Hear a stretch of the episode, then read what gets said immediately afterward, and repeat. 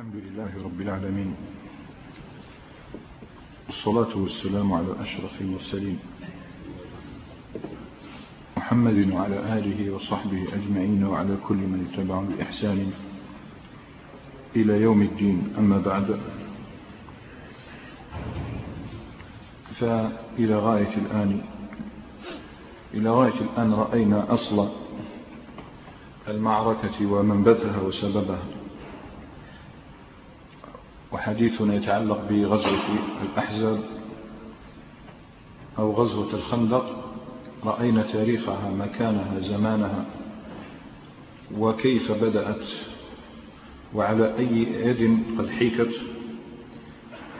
ومن ثم رأينا كيف صد النبي عليه الصلاة والسلام هذا العدوان وكيف خطط لذلك. فبدأ وباشر حفر الخندق ووضع النساء والأطفال والضعفاء في الآطام والحصول وشرع لهم كلمة سر حاميم لا ينصر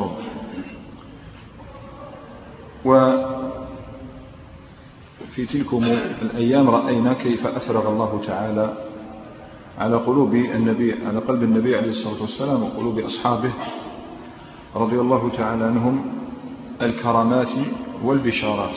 الكرامات بأن سد عنهم منفذ الجوع والبشارات بأن بشرهم النبي عليه الصلاة والسلام بفتح فارس والروم.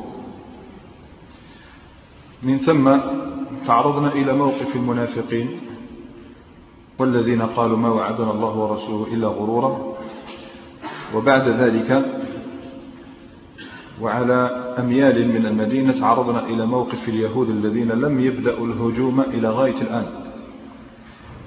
وأمرهم حير النبي عليه الصلاة والسلام حتى أرسل إلى إليهم ثلاث مرات من يتفقد أخبارهم. ودخلنا قلب المعركة وتركنا المدينة وتركنا على المدينة سحابة من النبال والسهام والرماح والجراح فأصابت تلك السهام سيد الأوس وهو سعد بن معاذ رضي الله تعالى عنه الذي نراه الآن في مسجد الرسول عليه الصلاة والسلام نصبت له خيمة يمرض فيها وأيقن أنه هالك لا محالة إلا أنه دعا الله تعالى بأن يمهله وأن يرجئ له أوقات من عمره حتى يرى عذاب بني قريظة. بني قريظة الذين لم تتضح لهم معالم هذه المعركة بعد أوشكوا أن يدخلوا في الحرب إلا أنهم تريثوا في ذلك فظنوا وقالوا إن معالم الحرب هذه لم تظهر بعد. فكيف لو انتصر النبي عليه الصلاة والسلام فلا شك أن الأمور ستنقلب علينا. فقرروا أن يقوموا بغدر يحيون بذلك مآثرهم وصفاتهم. فأرسلوا إلى النبي عليه الصلاة والسلام وتوقفنا عند هذا الخبر. فأرسل يهود بني قريظة وهم في حصونهم إلى رسول الله عليه الصلاة والسلام والحديث رأيناه في سيرة ابن إسحاق بسند صحيح. عن عائشة قالت إن رسول الله عليه الصلاة والسلام قال إن اليهود قد بعثت إلي. إن كان يرضيك عنا أن تأخذ أن نأخذ رجلا أو رجالا من أشراف قريش وغطفان رهنا فندفعهم إليك فتقتلهم. يعني كأنهم يعبرون بهذا عن ندمهم عن لنقض عهدهم ولتآمرهم مع المشركين. فهم يفعلون هذا سريا فإذا ظفر المشركون فهم في غنى عن الحرب لم يدخلوها وإن ظفر النبي عليه الصلاة والسلام فهم قد ربحوا مودته بهذا الفعل. وفعلهم هذا وعرضهم هذا يتضح لكل منا أنه يحمل في طياته الغدر والخسة والخيانة وهذا من شأنهم. هذا واضح. صحيح أنهم يغدرون بكفار لكن المسلم لا يغدر ولو بالكافر. فهؤلاء يغدرون بمن تآمروا معهم وتحالفوا معهم على ضرب النبي عليه الصلاة والسلام. فهذا الغدر واضح لكن كذلك يحمل هذا العرض في طياته قدحا وجهلا فاضحا بالنبوة بمعنى النبوة. فهم يجهلون معنى النبوة. وكأن الرسول عليه الصلاة والسلام متعطش للدماء. كأنه يريد أن يقتل فقط. فهم يريدون أن يتقربوا إليه بماذا؟ بقتل مع أن الرسول عليه الصلاة والسلام ما بعث لقتل الناس ولكنه بعث رحمة للعالمين. فهو يريد لا يريد أن يقتل الكافر الواحد منهم تلو الآخر. إنما هو يريد أن يؤمنوا بالله تبارك وتعالى. فخاصة أنه هو القائل كما في مسند الإمام أحمد أشد الناس عذابا يوم القيامة من قتله نبي أو قتل نبيا. أشد الناس عذابا من قتله نبي أو قتل نبيا. لماذا؟ لأن النبي يرسل إلى الناس رحمة. فالذي يأتي إلى الرحمة ويقتلها فهذا شر الناس وأشد الناس عذابا. والذي تقتله الرحمة صور رحمة تقتله. هذا أيضا لا شك أنه شر الناس. واليهود جمعوا الصفتين والشرين. فقتلهم للأنبياء أمر لا يخفى فقتلوا من الأنبياء ما, ما لا يحصى. وسيقتلهم النبي عليه الصلاة والسلام سيقتل منهم في يوم لا ينسى. المهم أنهم بهذا العرض جمعوا بين الخسة بين الخيانة الغدر والجهل والقدح في النبوة. والمهم أن النبي عليه الصلاة والسلام عندما وصله هذا العرض من بني قريظة أدرك أن نفوس هؤلاء لا يمكن أن تكون ذات دين سماوي. أدرك أن هذه القلوب لا يمكن أن تكون قد تشبعت بكتاب قد نزل من السماء. فعلم أن من وراء الأكمة ما وراءه وأنهم يريدون بذلك كسب الوقت.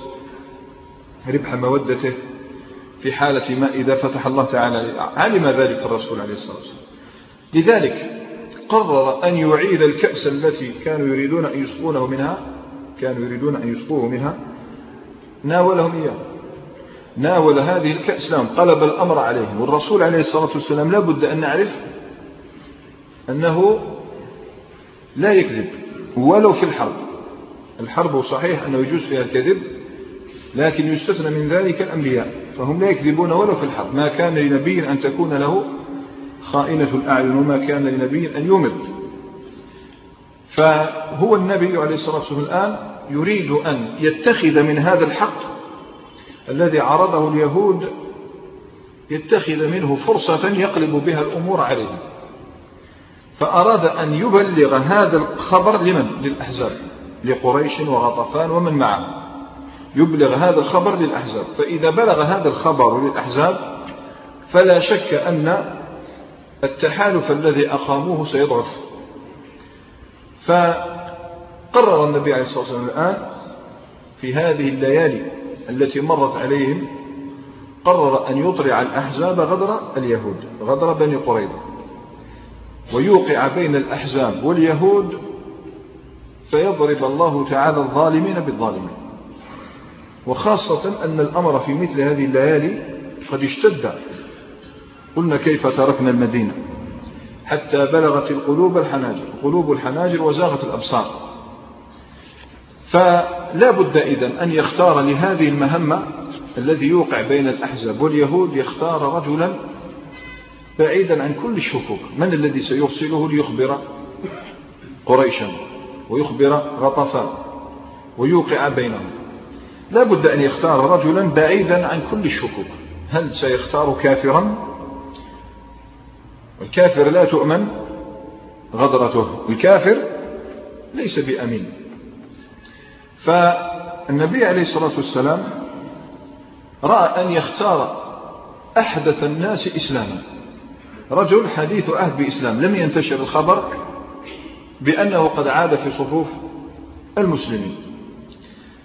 والله عز وجل الذي وعد عباده بأن مع العسر يسرا. إن مع العسر يسرا. فتح على النبي عليه الصلاة والسلام في مثل هذا الظرف في مثل هذا الوقت بما يسير. فتذكر النبي عليه الصلاة والسلام أن هناك رجلا قدم قبل الخندق بأيام. رجل قدم وأسلم وهاجر إلى النبي عليه الصلاة والسلام قبل الخندق بأيام قليلة يعني لم يشتهر إسلامه. ثانيا هذا الرجل من غطفان. إذا غطفان تعرفه تثق به. ثالثا أن هذا الرجل إذا جلسته وسمعته يعجبك كلامه ويؤثر فيك. يعني إنسان يشدك بكلامه يشدك إليه ويؤثر فيك ويؤثر في كل سامع وأمر الرابع الذي توفر في هذا الرجل أنه كانت فيه صفة تصلح لمثل هذه الأمور. معروف بها في الجاهلية. كانت فيه صفة النميمة. كان معروف بها أنه يوقع بين الناس. ولا شك أن هذا الذي يحتاجه الرسول عليه الصلاة والسلام.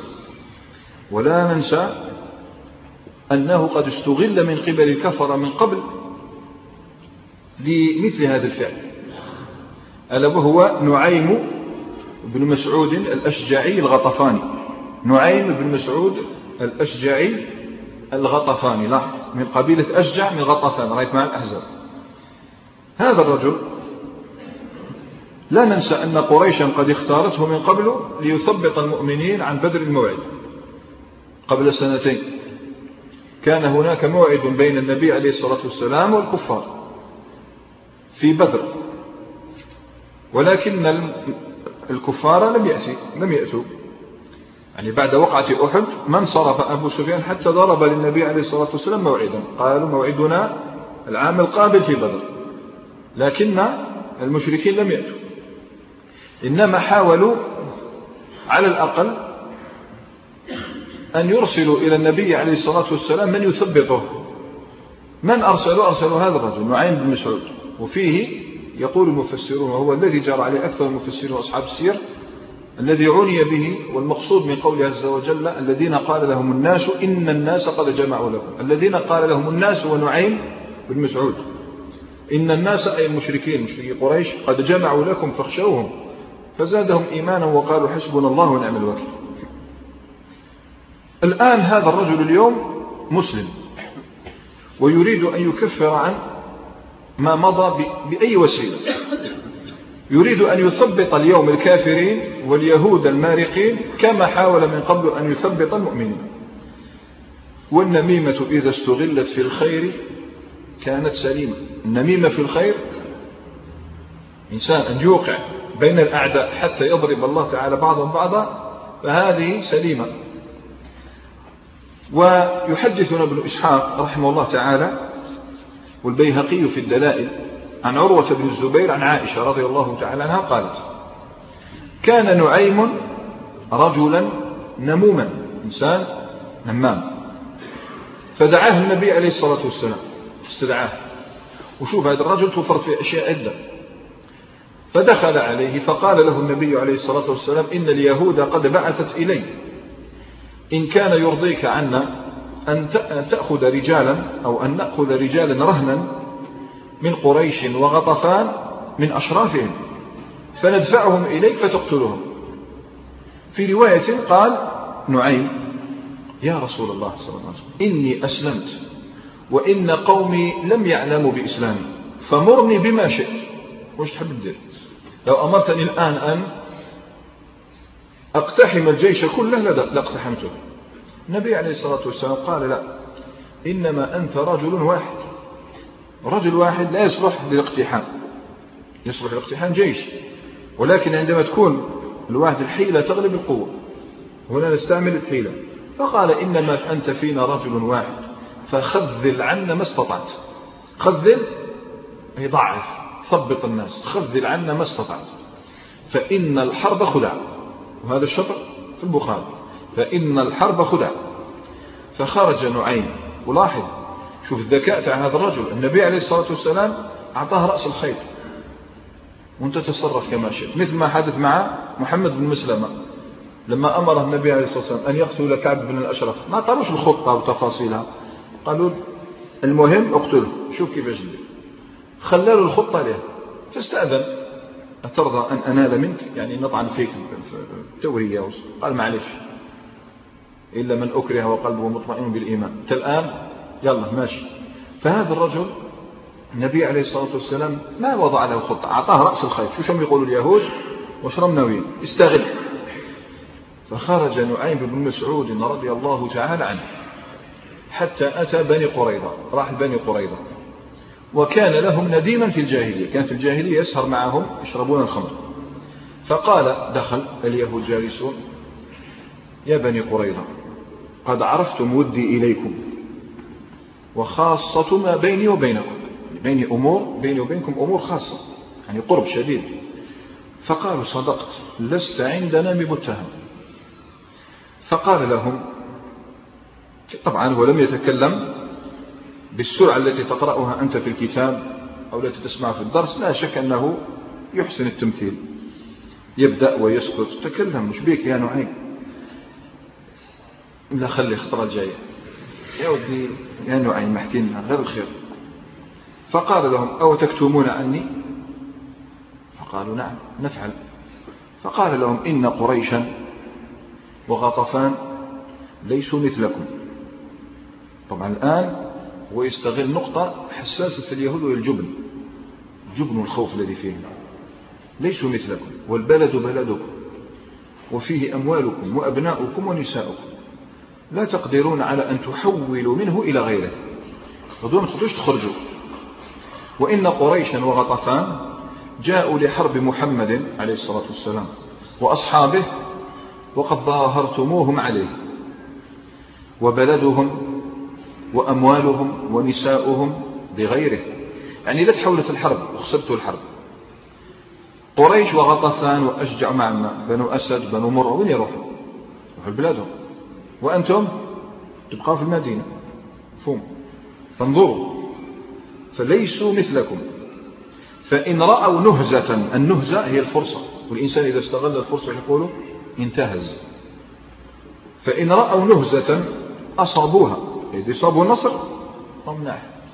وإن كانوا غير ذلك لحقوا ببلادهم وخلوا بينكم وبين الرجل ببلدكم. ولا طاقة لكم به إن خلا بكم. يعني إذا حكمتم فلا تقاتلوا مع القوم حتى تأخذوا. طبعا هو قال لهم لا تقاتلوا مع القوم. باين بالليل هذا راه يريد شيئا آخر. لا تقاتلوا مع القوم حتى تأخذوا منهم رهائن. من أشرافهم يكونون بأيديكم ثقة. حتى يقاتلوا محمد. يعني خلوا عندكم هذه الأشراف. ما دام الأشراف عندكم شادينهم يبقى المشركون هنا. يقاتلون بعزم. فقالوا لقد أشرت بالرأي كأنهم الآن في أنفسهم سبحان الله. تقول كان معنا مش هذا الذي اتفقنا عليه؟ أن نرسل إلى النبي عليه الصلاة والسلام بعض الأشراف. قد أصبت الرأي. ثم خرج. ودعهم ثم خرج إلى أين؟ خرج حتى أتى قريشا لأن الأحزاب كان معسكرين معسكرات متباعدة. حتى أتى قريشا فدخل على أبي سفيان. ومن معه من رجال قريش. فقال قد عرفتم ودي لكم. شوف قد عرفتم ودي لكم. وإنه قد بلغني أمر قد رأيت علي حقا أن أبلغكموه. شوف النميمة هاي النميمة هذا لو كان كافر لقضى علينا. قال قد بلغني أمر قد رأيت علي حقا أن أبلغكموه نصحا لكم. فاكتموا عني. فقالوا نفعل. فقال تعلمون أن معشر يهود هنا هو صادق ولا لا؟ تعلمون أن معشر يهود قد ندموا على ما صنعوا فيما بينهم وبين محمد عليه الصلاة والسلام. وقد أرسلوا إليه أن قد ندمنا على ما فعلنا. فهل يرضيك أن نأخذ لك من القبيلتين من قريش وغطفان رجالا من أشرافهم فنعطيكهم لتضرب أعناقهم ثم نكون معك على من بقي من منهم حتى نستأصلهم. هذه زادة. فإن بعثت إليكم يهود يلتمسون منكم رهائن من رجالكم فلا تدفعوا إليهم. انتبهنا؟ هو قال اليهود شوفوا لقريش لو كان تبدأ الحرب تبان الخسارة يروحوا يخلوكم اتفقنا؟ قل لهم يبعثوا لكم رهائن. راح القريش؟ راح يقول لكم بعثونا رهائن. بل كنت بعثوا لهم. قالت علاش؟ راح يبعثوهم للنبي عليه الصلاة والسلام ويقتلهم. فقالوا نفعل إذا فخرج. فذهب إلى غطفان. وغطفان قومه يثقون فيه أكثر من ثقة الآخرين ويعرفونه بالنميمة أكثر. فقال يا معشر غطفان إنكم أصلي وعشيرتي شوف شوف الإسلام كيف يبدل الإنسان. هذا أمر ليس سهلا على كل تقرأ على تقول عادي هذا أمر ليس سهلا. أعظم صفة في الجاهلية هي العصبية. على جال القبيلة تاعو يقتل قبائل شوف كيف حوله الإسلام في أيام. في أيام شوف كيف ولا ضد قبيلته ما دامت كافرة. الإسلام كيف يحول الناس. إنكم أصلي وعشيرتي وأحب الناس إلي ولا أراكم تتهمونني. فقالوا صدقت ما أنت عندنا بمتهم؟ قال فاكتموا عني. قالوا نفعل فما أمرك؟ ثم قال لهم مثل ما قال لقريش أن اليهود هذا ما يريدون ما يريدون. ماشي الجميع أخذ الخبر وفعل الذي عليه وانصرف. وطال الانتظار والمشركون ينتظرون اليهود ليخرجوا. ما خرجوا. وطال الحصار. واليهود لم يخرجوا. والليلة هذه الليلة هي ليلة السبت. انتبه. ليلة السبت. في الليل في ليلة سبت من أي ليالي شوال. شوف بدأت الحرب منين؟ قداش بدأت؟ في شعبان. دخلنا في شوال. باش تشوف شحال طال الحصار. فأرسل أبو سفيان طبعا اليوم ما يخرجوش. فأرسل أبو سفيان إلى بني قريظة. أن لسنا بدار مقام. هذه ما كيش ما نش مقيمين. فقد هلك الخف والحافر. الخف الإبل والحافر الخيل. فاغدوا غدا. فاغدوا للقتال حتى نناجز محمد ونفرغ منه. شو بيكم تستنى؟ فأرسل اليهود إليهم. لاحظ شوف الفقه تاع اليهود. إن اليوم يوم سبت. يجوز صيام يوم السبت إن اليوم يوم سبت. وهو يوم لا نفعل فيه شيئا. وقد كان أحدث شو داروا داروا موعظة اليهود لم يوعظوا. وقد أحدث فينا وقد أحدث فيه أي يوم السبت. بعضنا حدثا فأصابه ما لم يخفى عنه مش يقصدون؟ أصحاب السبت. يوم اعتدوا ولسنا مع ذلك بالذين نقاتل معكم محمدا حتى تعطونا رهائن هنجر في الفخ لن نقاتل معكم محمدا صلى الله عليه وسلم حتى تعطونا رهائن من رجالكم يكونون بأيدينا ثقة. أي وثيقة رهن. فإن نخشى إن ضرستكم الحرب أي نالتكم وجعلتكم تحت ضرسها واشتد عليكم القتال أن تنشمروا أي ترجعوا. إلى بلادكم وتتركون والرجل في بلدنا ولا طاقة لنا بذلك فيه. هذه الرسالة وصلت وصلت إلى قريش. فلما رجعت الرسل بما قالت بنو قريظة وش يقولوا قريش وغطفان سبحان الله. ما يقولوش ما سبحان الله لتاعي. والله إن الذي حدثكم به نعيم بن مسعود لحق. هم يريدون إذن الغدر. يريدون أن يأخذوا أشرافنا ويعطاهم النبي عليه الصلاة والسلام. فأرسلوا إلى بني قريظة إنا والله لا ندفع إليكم رجلا واحدا من رجالنا. فإن كنتم تريدون القتال فاخرجوا فقاتلوا. وصل الخبر بني قريظة؟ وش يقولوا الله أكبر. فقالت بنو قريظة والله إن الذي ذكره لكم نعيم بن مسعود لحق. ما يريد القوم أن يقوموا إلا أن يقاتلوا فإن رأوا فرصة انتهزوها وإن كان غير ذلك انشمروا إلى بلادهم وخلوا بيننا وبين الرجل. فأرسلوا إلى قريش وغطفان. طبعا المسلمون هم هكذا. مش قالوا؟ هذا أم يمشوا فيما أراد الله. هذا صنع الله. هذا صنع الله. حتى واحد. فأرسلوا إلى قريش وغطفان إنا والله لا نقاتل معكم حتى تعطونا رهائن فأبوا عليهم فخذل الله بينهم. قريضة اليوم انسحبت. يا ناس الآن الرسول عليه الصلاة والسلام لا يخشى العدو من ظهره خلاص. بقي الآن العدو صح كثير عشرة آلاف لكن بإذن الله تعالى سيأتي الفرج. المهم هنا انكسر ضلع من أضلاع مثلث الأحزاب. كانوا ثلاثة اليهود وغطفان وقبائلها المجاورة وقريش. انكسر ضلع ولا شك أن الضلع إذا انكسر ضعف. فهنا تزعزعت أحلام المشركين تزعزعت شوي. وأصبحت الهزيمة قابلة للاحتمال. بنو قريظة بنو قريظة أدركوا تماما أن حلم سعد بن معاذ بات قريب التحقيق. الآن سمعوا ما وش حلف سعد اللهم لا تمتني حتى أرى عذاب بني قريظة. قريش وغطفان وش داروا الآن؟ لابد أن يحاولوا الضربة الأخيرة. ما تقولش الكافر العدو لا يستسلم بسهولة. يحاولون الآن الضربة الأخيرة.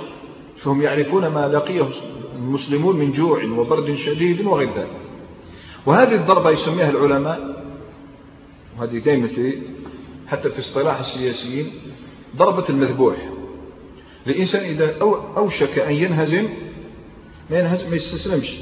يحاول يضرب آخر ضربة يسموها ضربة المذبوح. شفت لما تذبح الشاة؟ ماذا تفعل؟ تتخبط. ربما قامت لكن لن تقوم بقوة. ما يعني أنها قوية هي مذبوحة. تريد خلاص. فهذه ضربة المذبوح. الآن هم يتخطوا الكفار. فضربة المذبوح لا تجلب نفعا ولا تدفع ضرا فكان الهجوم الأخير ودعاء البشير النذير عليه الصلاة والسلام. هو الهجوم الأخير راح يبدأ بعد أيام وطال الحصار. المشركون الآن يستعدون لشن هجوم شرس على المدينة من جديد. لماذا؟ للقضاء على هذا الملل للقضاء على هذا الانتظار وازداد الحصار. وسيطر الخوف على المدينة بل على كل شبر من أشبار المدينة. هذه الأيام الكفار خلاص يعني بذلوا أقصى قوتهم نبال الرماح ومحاولة اقتحام الخندق. صاروا يريدون أن يقتحموا الخندق ويقتحموا الخندق لم يفتروا مو مثل الأيام السابقة. فهنا بدأ الخوف يدخل المدينة في كل شبر من أشباره بل صار يطل من بين النخل بل صار يطل من بين شقوق الأبواب.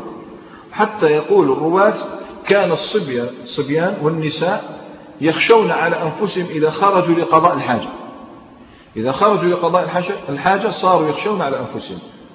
إذا بدأ الهجوم في ظهر يوم في ظهر يوم من الأيام الباردة في الظهر.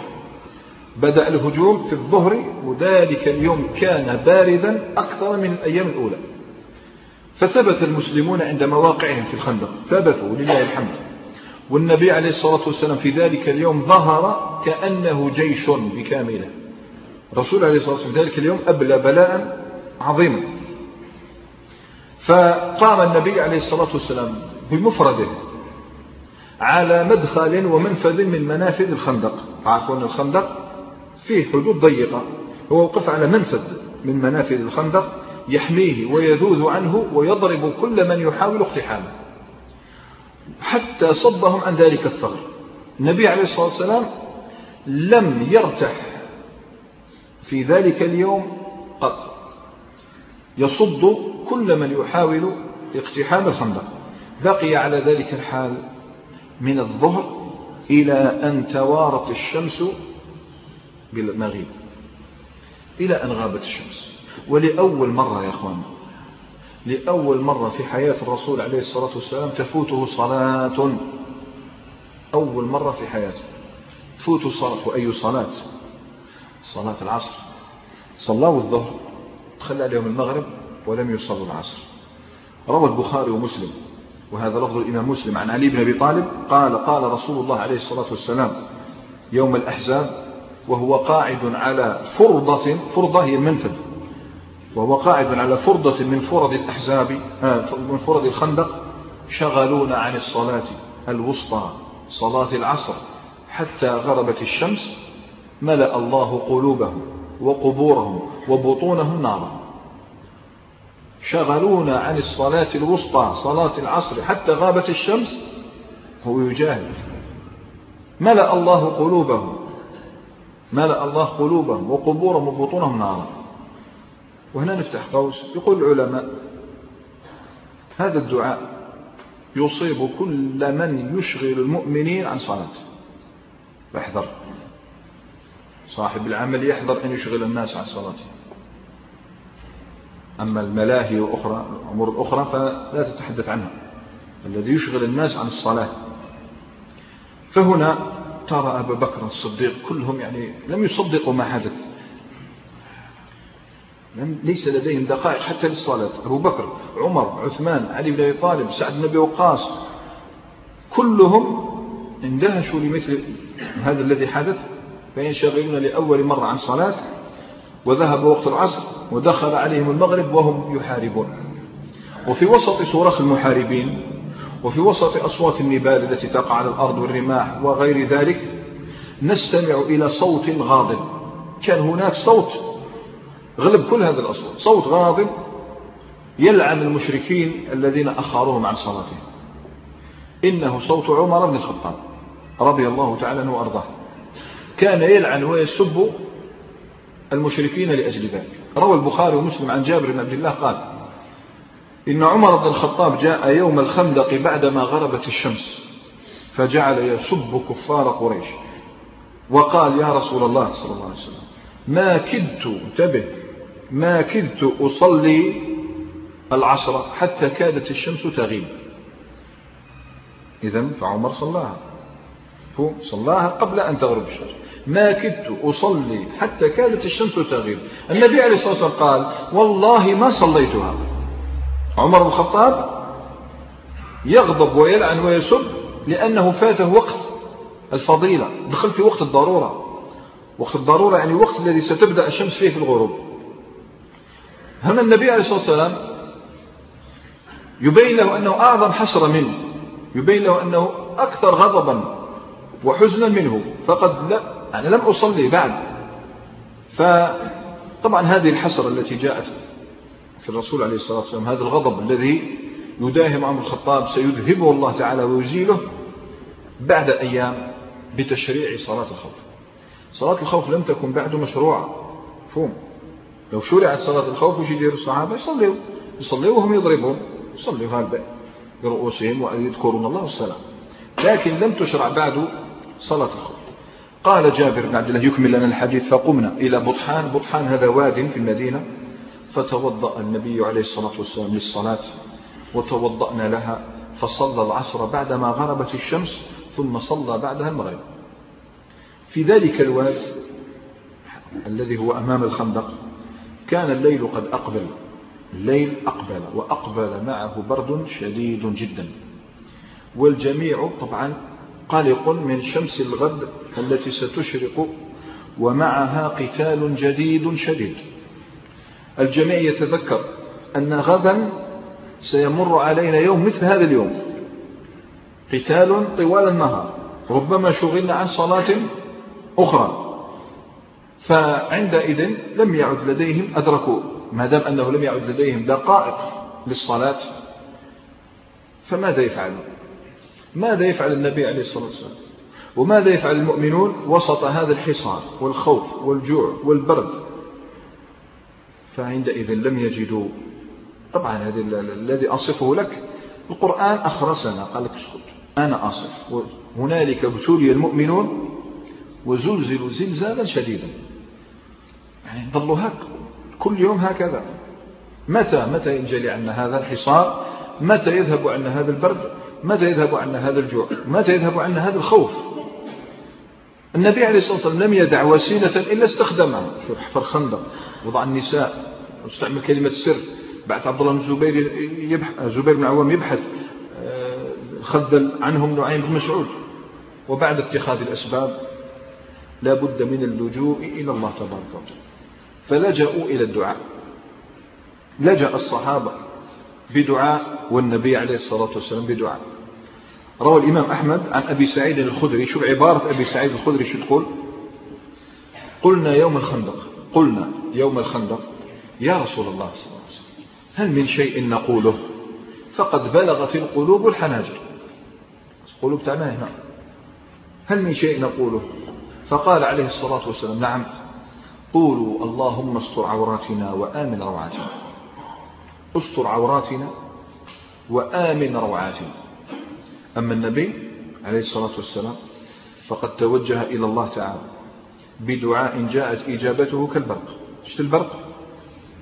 في سرعته هكذا جاءت الإجابة. روى البخاري ومسلم عن عبد الله بن أبي أوفى قال دعا رسول الله عليه الصلاة والسلام يوم الأحزاب على المشركين. دعا يوم الأحزاب على المشركين فقال اللهم منزل الكتاب ومجري السحاب سريع الحساب. اللهم اهزم الأحزاب. اللهم اهزمهم وزلزلهم. وانصرنا عليهم. هذا هو الدعاء الذي كان النبي عليه الصلاة والسلام يتضرع به إلى رب الأرض والسماء. فدعا ربه دعاء مكروب دعاء محتاج دعاء فقير. وما كان الله تعالى ليترك رسوله عليه الصلاة والسلام وأصحابه هؤلاء في هذا الهم وهذا الغم. وهم قد بذلوا كل ما في وسعهم. تلك الليلة نزلت الإجابة جاءت الإجابة جاءت الإجابة من عند الله تبارك وتعالى بسرعة البرق. ونستطيع أن نقول إنها طلائع الهزيمة. طلائع الهزيمة جيوش الهزيمة جاءت لتحاصر من؟ لتحاصر الأحزاب. اقترب هؤلاء الجيوش من الأحزاب وهم لا يشعرون. الآن الأحزاب لو خرج أحد من الخيمة لا يرى هذا الجيش الذي حضر ساحتهم وهم لا يشعرون. حضر ساحتهم في تلك الليلة جيش لا يقهر. جنود الله الملائكة. وريح شديدة.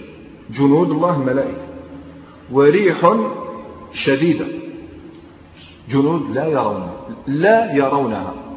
قال الله تعالى يا أيها الذين آمنوا اذكروا نعمة الله عليكم إذ جاءتكم جنود فأرسلنا عليهم ريحا وجنودا لم تروها وكان الله بما تعملون بصيرا. وهذه الريح وهذا البرد هي اللي تبين لك قوله عز وجل وكفى الله المؤمنين القتال. مثلا أنت تحب تكتب حاجة يقول لك أنا اكفيكها وش معناتها؟ أنا أكفيك. وش معناتها؟ أنا نديرها هذا وش معناتها؟ وكفى الله المؤمنين القتال. وكفى الله المؤمنين القتال. أي الله هو الذي كفاهم قال روح روحوا سأتولى أمرهم أنا. باك خلاص. خلاص هذا. تبدل كل شيء. عجيب. قد علاش كفى الله المؤمنين القتال؟ لابد أن نفهم على هذا الأمر. خاطر اليوم إذا صارت تقول كفى الله المؤمن القتال وش يقصدون بها؟ انتهى. لا كفى الله المؤمن القتال؟ أي أن الله هو الذي تولى القتال. سنرى كيف تولى الله تعالى القتال. وهل يستطيع أحد أن يغلب الله؟ وهذا البرد وهذه الريح ما دامت قد أرسلت على هؤلاء فلا شك أنها ستصيب المسلمين أيضا خاصة البرد. أذن الله تعالى لمثل هذا البرد وهذا الريح ليدخل صفوف المؤمنين لماذا؟ تطهيرا له من الذنوب. مع شدة القساوة هذه الإنسان يتطهر من الذنوب. زد وتمحيصا وتمييزا لهم عن المنافقين. بدأ بعض بقايا المنافقين. قالت المنافقون وقتاش استأذنوا؟ استأذنوا عندهم بزاف لأجل الجوع. الآن بعض المنافقين يلا صاروا يذهبون إلى بيوتهم ويعودون. فانطلقوا يعتذرون من النبي عليه الصلاة والسلام وهو يأذن لهم روح وبقي صلى الله عليه وسلم.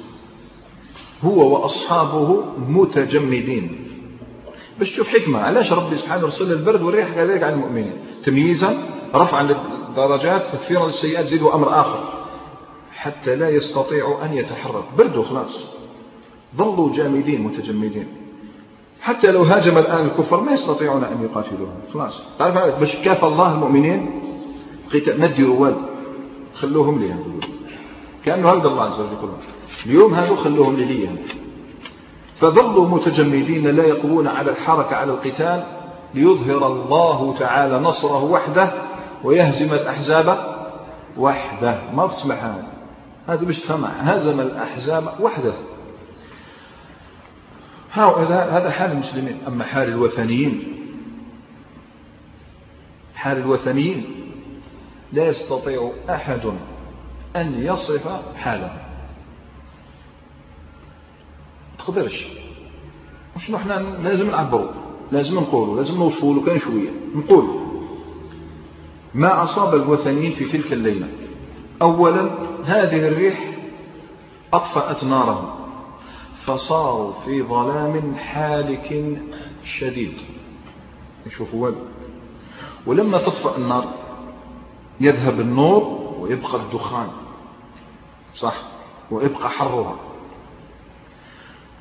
واقتلعت خيامه فصاروا في العري والبرد مثل الجليد.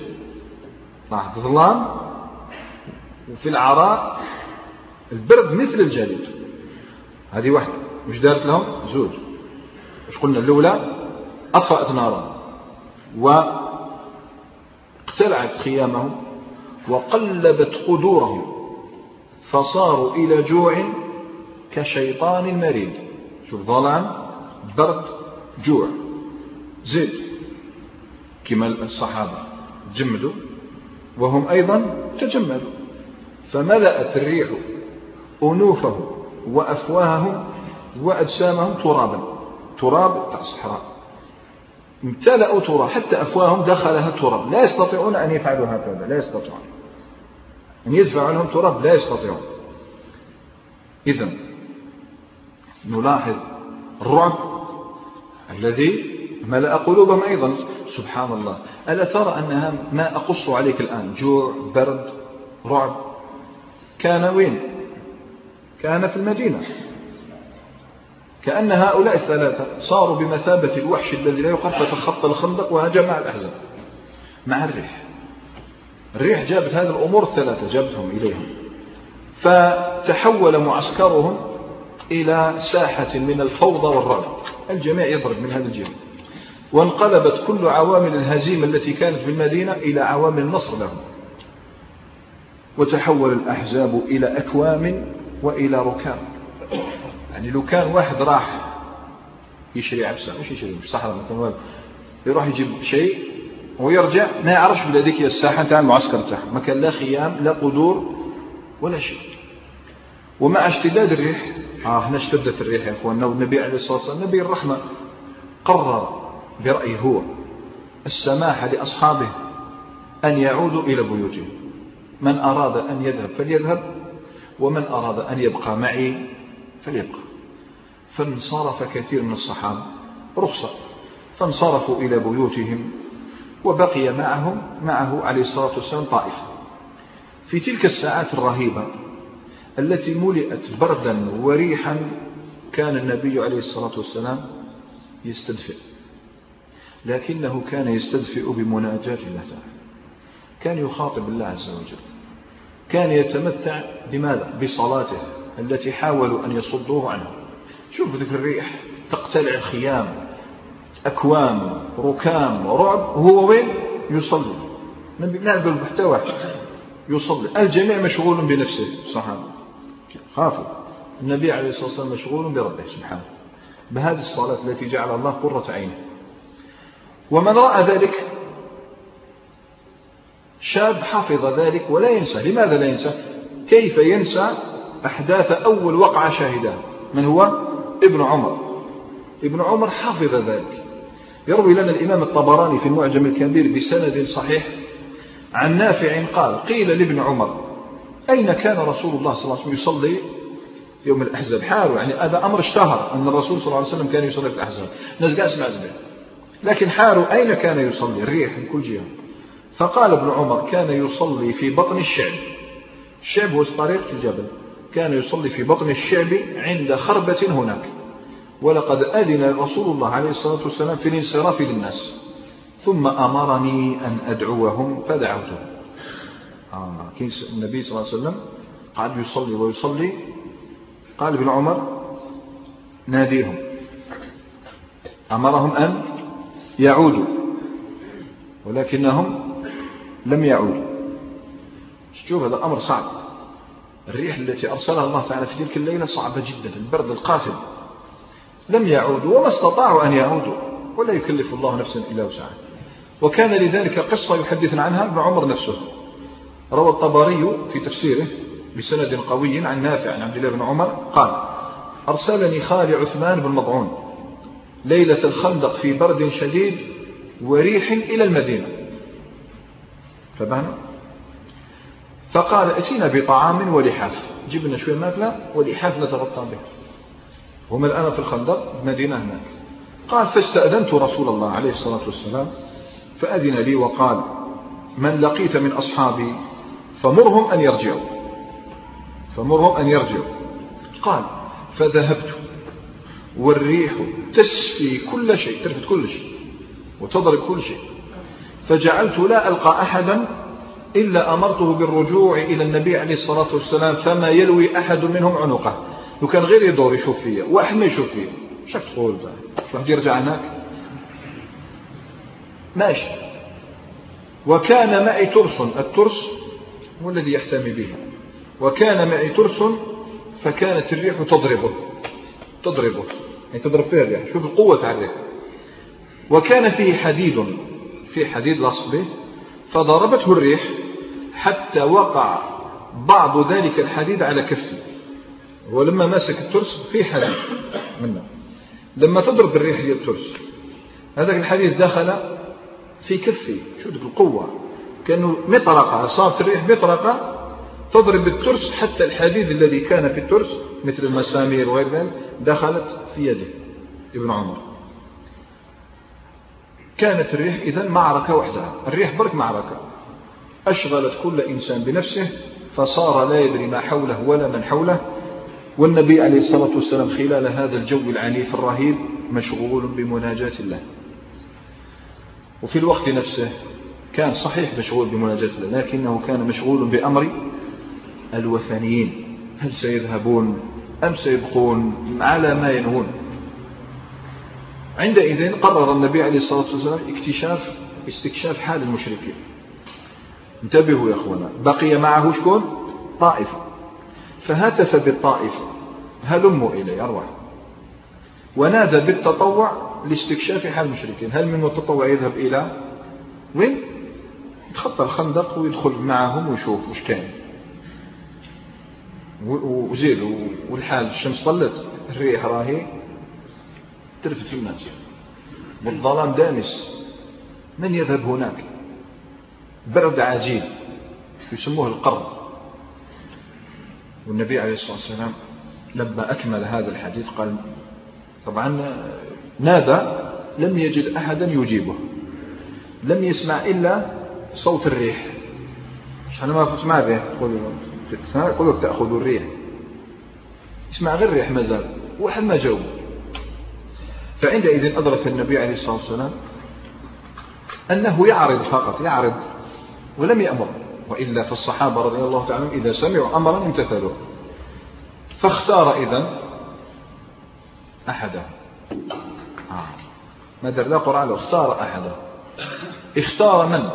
من وسع صدره لموت أبيه بسيوف المؤمنين يوم أحد. فالذي اتسع صدره وش قال؟ نهار مات باباه قتلوه غلطة في أحد. وش قال؟ أبي مات باباه درس يغفر الله له. بس مزج.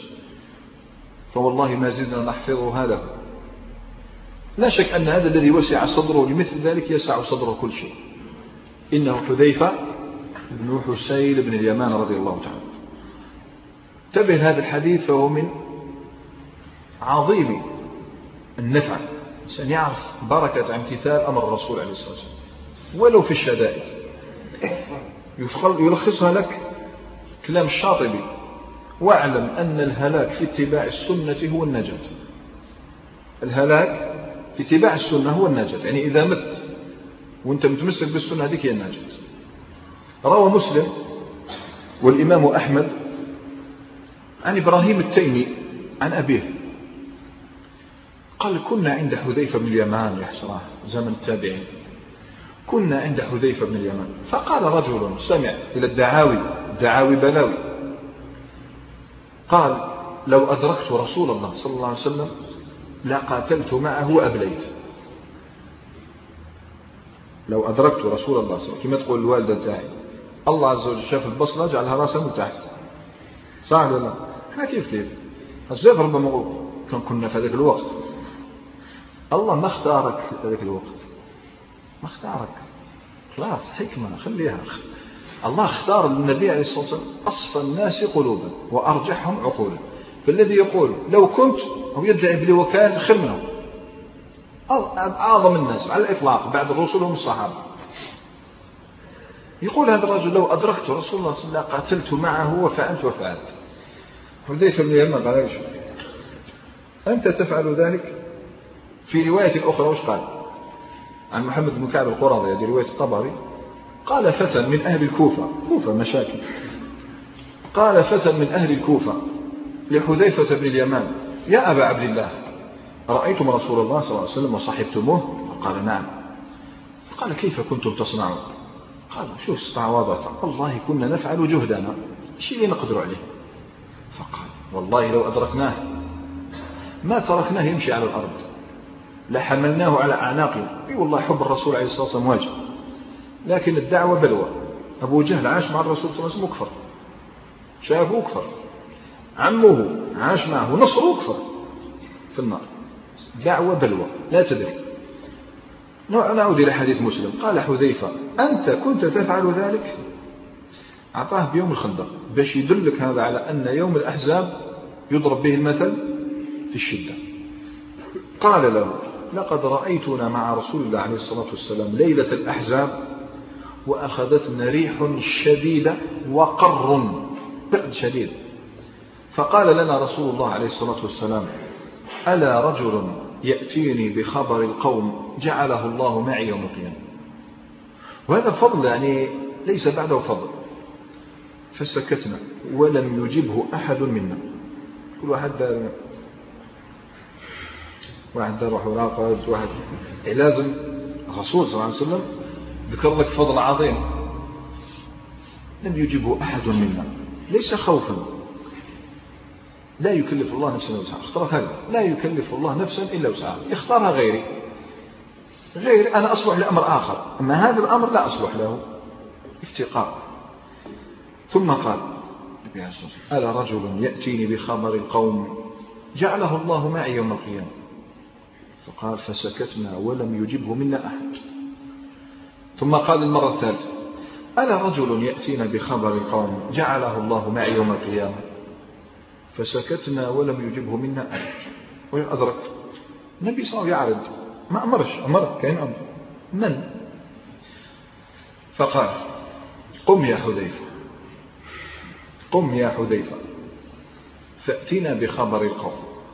قال شو الكلام. فلم أجد بدا إذ دعاني باسمي أن أقول. كاش.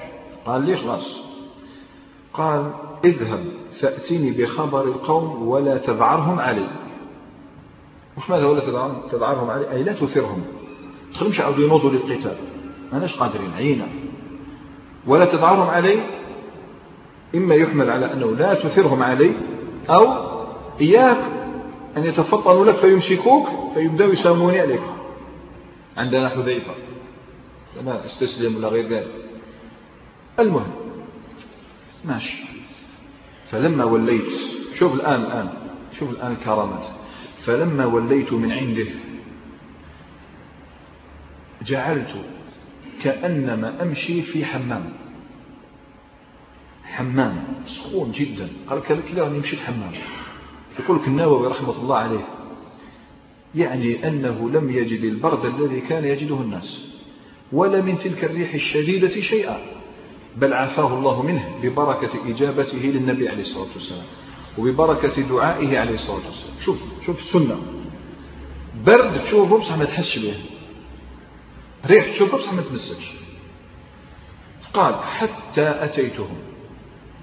ولا الآن ابتلاه الله. ابتلاه الله بشيء يشوف لا يطيع النبي صلى الله عليه وسلم ولا لا. قال فرأيت أبا سفيان يصلي ظهره بالنار. هذيك النار ما يبانش من جابها خاطر ريح قلبت كاع النار. بين هذيك بنالها ولا باش تقعد شوية. يصلي ظهره أي سخن ظهره. فوضعت سهما في كبد قوسي فأردت أن أرميه. فذكرت قول رسول الله عليه الصلاة والسلام ولا تذعرهم تذعرهم علي. في رواية ولا تحدث شيئا. ولو رميته لأصبته كان قريب له قال فدخلت في القوم. وش قلت لكم؟ ظلام. تيجي واحد يقول لك يا حذيفة معروف. ظلام. زيد ريح غبار. يعني حتى ولو كان يشوفوا حذيفة هذا يشبه له مش هو. الغبار يبدل. حتى لو كان يشوف هو حذيفة يقول لك ماشي هو. الغبار اللي يرجع له رجعوا حذيفة. ومن قبل كان عمر. والله والله. شوف ظلام برد وانت الآن الريح تضرب وانت لا شك أن عينيك هكذا. عينيك هكذا. فدخلت في القوم. قال والريح وجنود الله تفعل ما تفعل. شوف التعبير والريح وجنود الله تفعل ما تفعل. هاي دايرة حلقة لا تقر لهم قدر ولا نار ولا بناء. لا أكل لا نار ولا بناء. فقام أبو سفيان بن حرب وأحس أنه دخل فيهم من غيرهم سبحان الله. أبو سفيان حس باللي كاين واحد؟ غريب. فقال يا معشر قريش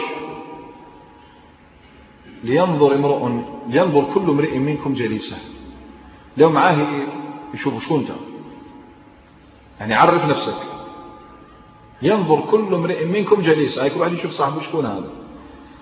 طبعا حذيفة بن الانس ينكشف أمره. لكن الحمد لله دار قال؟ حذيفة فأخذت بيد الرجل الذي كان إلى جنبي. فأخذت بيد الرجل الذي كان إلى جنبي فقلت له من أنت؟ فقال فقال أنا فلان ابن فلان. عن بالي لا شك. أنا فلان ابن فلان. لما يسبق حتى أنت تصور نفسك لو كنت مكان ذلك الجليس. اللي يسبق هو هو من أهل قريش. كما يقول خير دفاع والهجوم قال فقلت له من أنت؟ فقال أنا فلان ابن فلان. ثم قال أبو سفيان يا معشر قريش إنكم والله ما أصبحتم بدار مقام.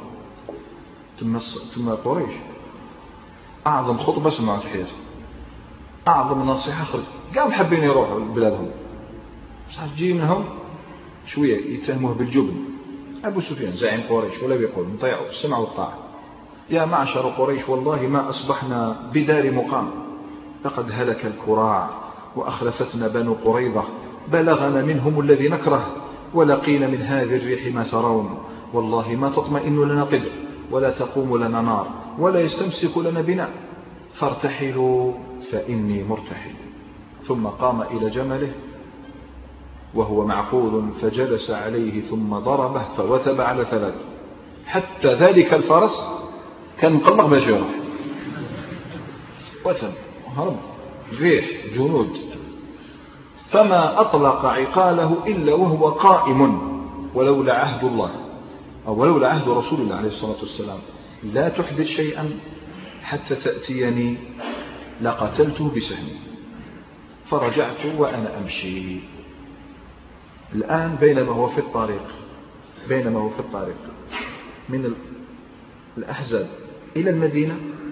راح يتخطى الخندق نخليه الآذان قبل ممكن.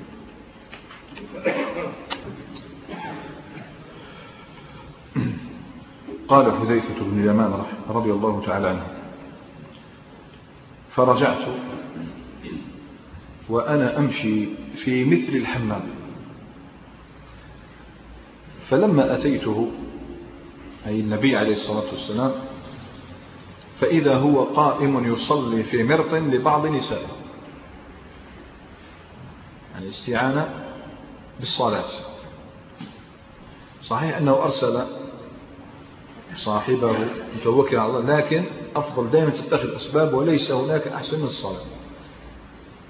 قال وهو قائم يصلي في مرط في غطاء ولحاف بعض نسائه فلما سلم أخبرته بخبر القوم أنهم خلاص سيذهبون. وفرغت شوف غير خبروا وفرغت فقررت. فقررت. ورجع لي البرد الذي كان عليه سبحان الله. رجع البرد الشديد هذا يحس به الذي كان يحس به من قبل. فقررت. فألبسني رسول الله عليه الصلاة والسلام من فضل عباءة كانت عليه يصلي فيها فلم أزل نائما حتى أصبحت. فلما أصبحت قال لي قم يا نومان قم يا نومان أي نائم أي كثير النوم. وسمعت غطفان بما فعلت قريش وانشمروا إلى بلادهم قريش راحت. ما بخافش كذلك فذهبت غطفان أيضا. أصبحت المدينة وأصبح الملك لله صح؟ أصبحت المدينة وأصبح النصر لرسول الله عليه الصلاة والسلام.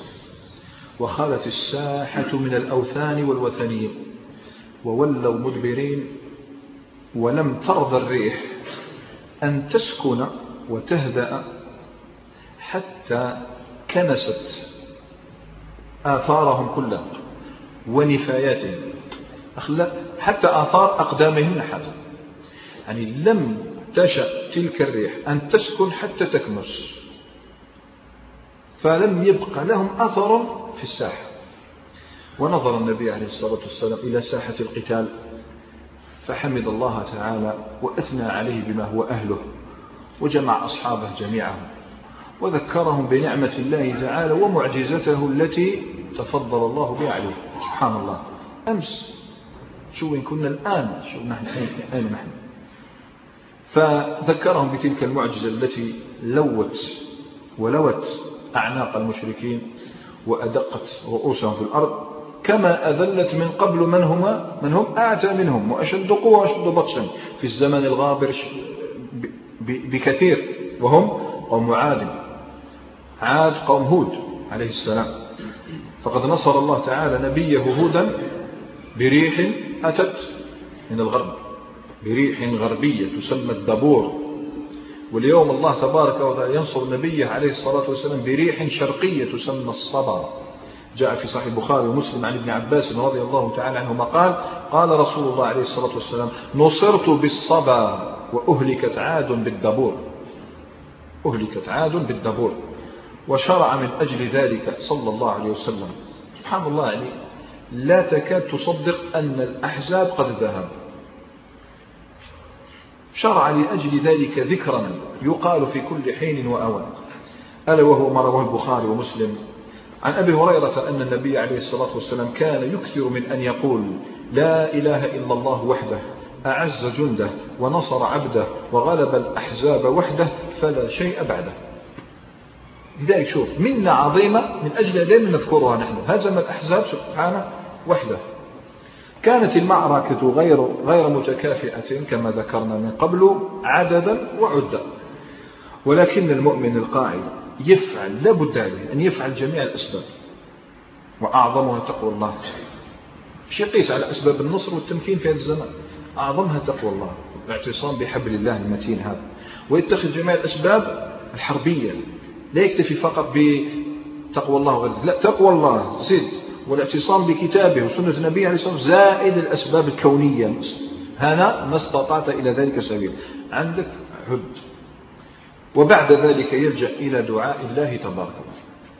لا بد من هذه الأشياء فإن الرعب بذلك يتحول إلى أمن والفقر يتحول إلى غنى والبرد يتحول إلى حرب والذل يتحول إلى عزة.